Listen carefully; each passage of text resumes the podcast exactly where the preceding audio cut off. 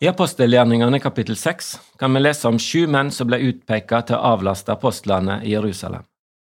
For at apostlene skulle kunne konsentrere seg om Bibel og bønn, skulle disse sju mennene ta seg av praktiske oppgaver.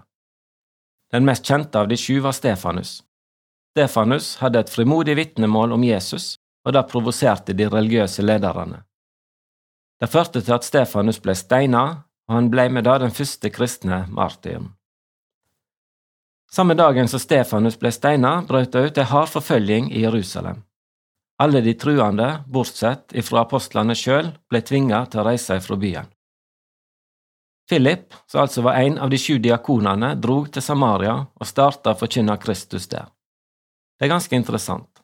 Philip er et gresk navn, og det er godt mulig at Philip òg var greker.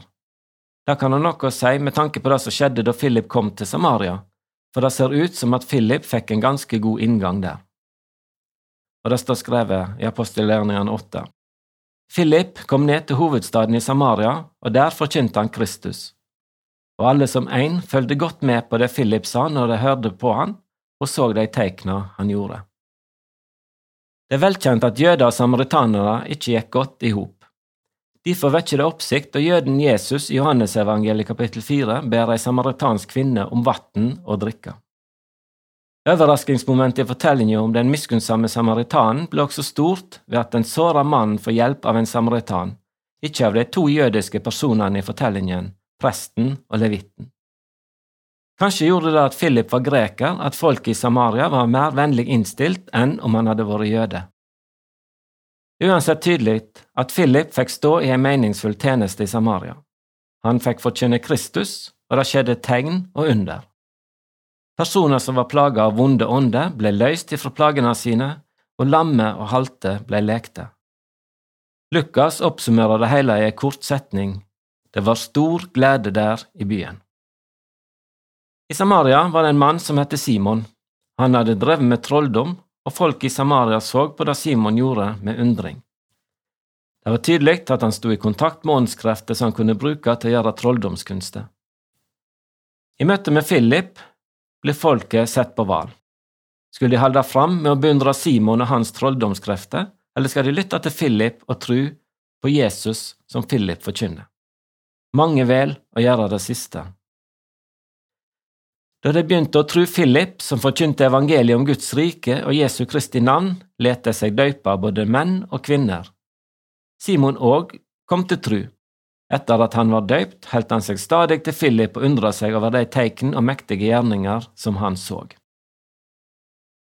Philip hadde svært meningsfulle oppgaver i Jerusalem med å hjelpe til med matutdeling og praktisk diakoni.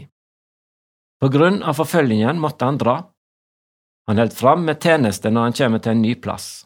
Det er også interessant at det som i utgangspunktet er negativt, nemlig forfølging, fører til at nye mennesker får høre om Jesus. Det samme skjer fremdeles. Og i dag så er det kristne som blir drevet på flukt. Og mens de er på flukt, så er de fremdeles lys og salt uansett hvor de drar.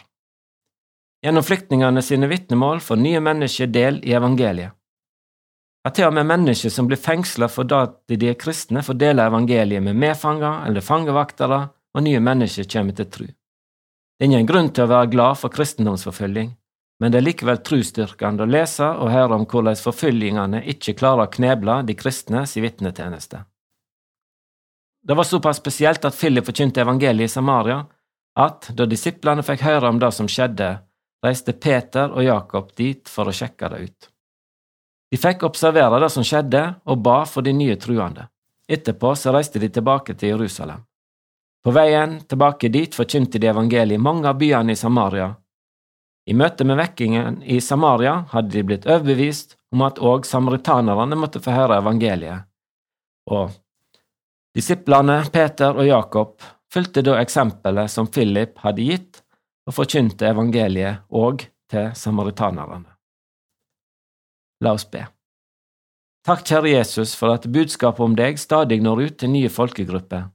Vær du med alle mennesker som er på flukt. Bevar de som tror på deg i trua, og la de få bringe ditt lys med seg, sjøl om ting er mørkt. Amen. Det var eh, Olav Vestbøstad som delte Guds ord med oss eh, denne gangen i serien Over en åpen bibel. Den produseres av Norea Mediemisjon. Du finner vårt eh, rikholdige arkiv av andakter på norea.no.